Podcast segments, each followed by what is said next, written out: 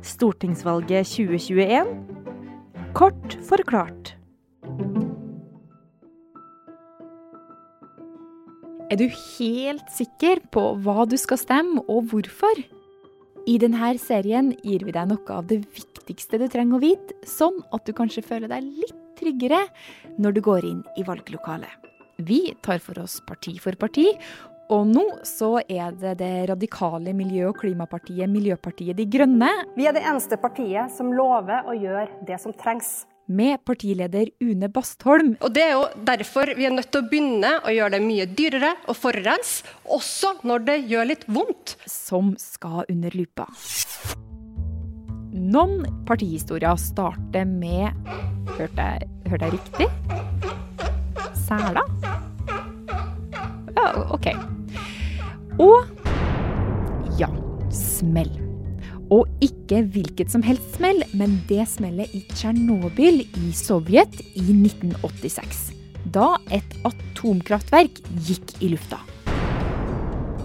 Som da sendte radioaktivt nedfall over store deler av Europa, også Norge, som var ganske dramatisk. ikke sant? Man, man kunne ikke spise sauekjøttet fordi at det var uh, eh, forurensa, og man måtte sette i gang tiltak. Det her er forresten valgforskeren vår Bernt Årdal, og han var i 30-årene på denne tida og fikk med seg alt som skjedde.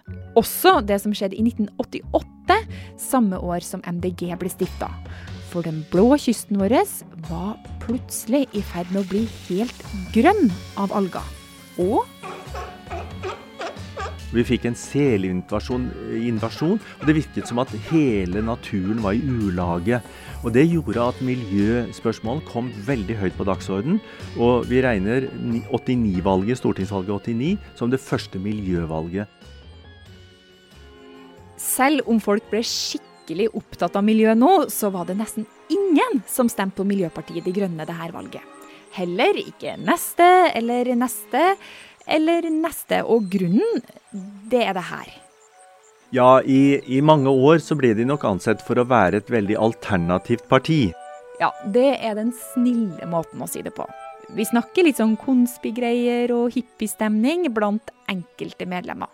Uansett så endra det seg.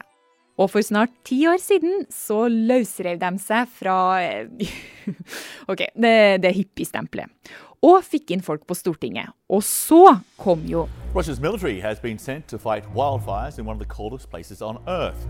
More than two and a half million hectares have burned in Siberia so far this year. The wildfires, floods, and excessive heat consuming parts of our planet could have catastrophic results unless nations act fast to stop greenhouse gas emissions. The UN climate report out today is a quote code red for humanity klimaendringene på dagsorden, og folk ble skikkelig åpen for radikal klimapolitikk.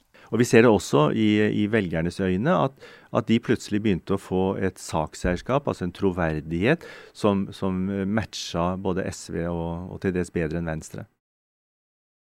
Og nå er det MDG-velgere overalt i byene. De svetter seg opp bakkene i Oslo i brukte Fretex-jakker på sykler uten gir. Litt karikert, selvfølgelig. Men hvor ligger de da i det politiske landskapet? Jeg bruker jo å lage ei stripe som går fra blått til rødt, og som handler om hvor mye staten skal blande seg inn i livene våre. Og MDG vi ser på velgerne deres at de ligger litt til venstre for sentrum, men, men ikke så langt ute på venstresiden som f.eks. SV, og, og i hvert fall ikke som Rødt. Eh, og heller ikke egentlig som Arbeiderpartiet. Ok, Så bitte litt glad i skatt og statlig innblanding. Men sjokk, sjokk, sjokk, det er jo ikke her MDG skiller seg fra mengden av partier. Det som kanskje skiller det mest fra de andre, det er at miljø- og klimahensyn skal trumfe alle andre. Altså det skal være et overordnet hensyn som skal styre alle andre eh, sektorer i, i samfunnet. Vi ser jo også at de, de vil si, bruke mer radikale virkemidler, f.eks. i de store byene. Eh, hvor de har eh, avskaffet parkeringsplasser for biler og gjort par, både parkering, men også trafikk i byområdene eh, mye vanskeligere for, for biler.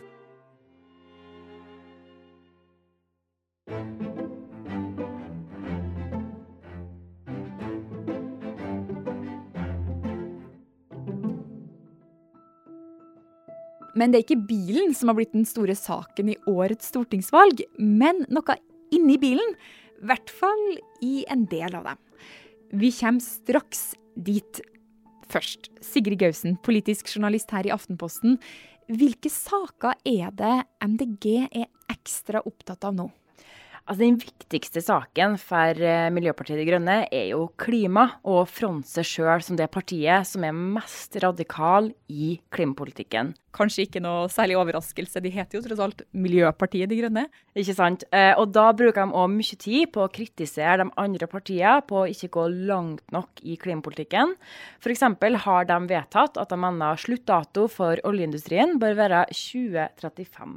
Oljeleiting er jo noe som Miljøpartiet Grønne har et eget standpunkt på nå, at vi setter som krav for å støtte en regjering. Det betyr at Stemmer man på Miljøpartiet Grønne, så vet man at vi ikke kommer til å støtte en regjering eller sitte en regjering som stadig åpner nye felt. Fordi den tida må være forbi. Ja, og i august så kom jo FN med en klimarapport som viser at vi må kutte utslippene våre kraftig i årene fremover.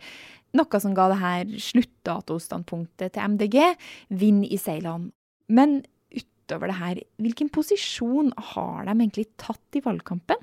MDG sin posisjonering til dette valget begynte egentlig med å velge venstresida.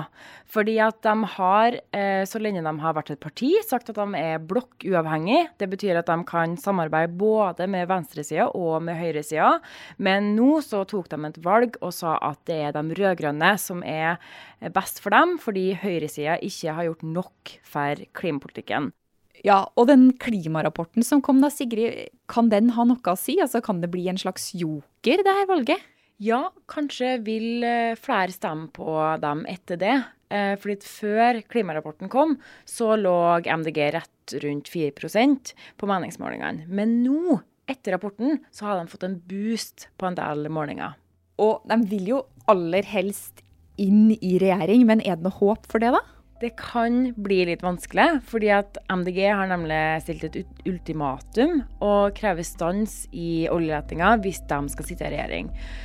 Og Det som er litt kjipt for dem, er at det er ingen av de store partiene som har sagt at de vil gå med på noe slikt.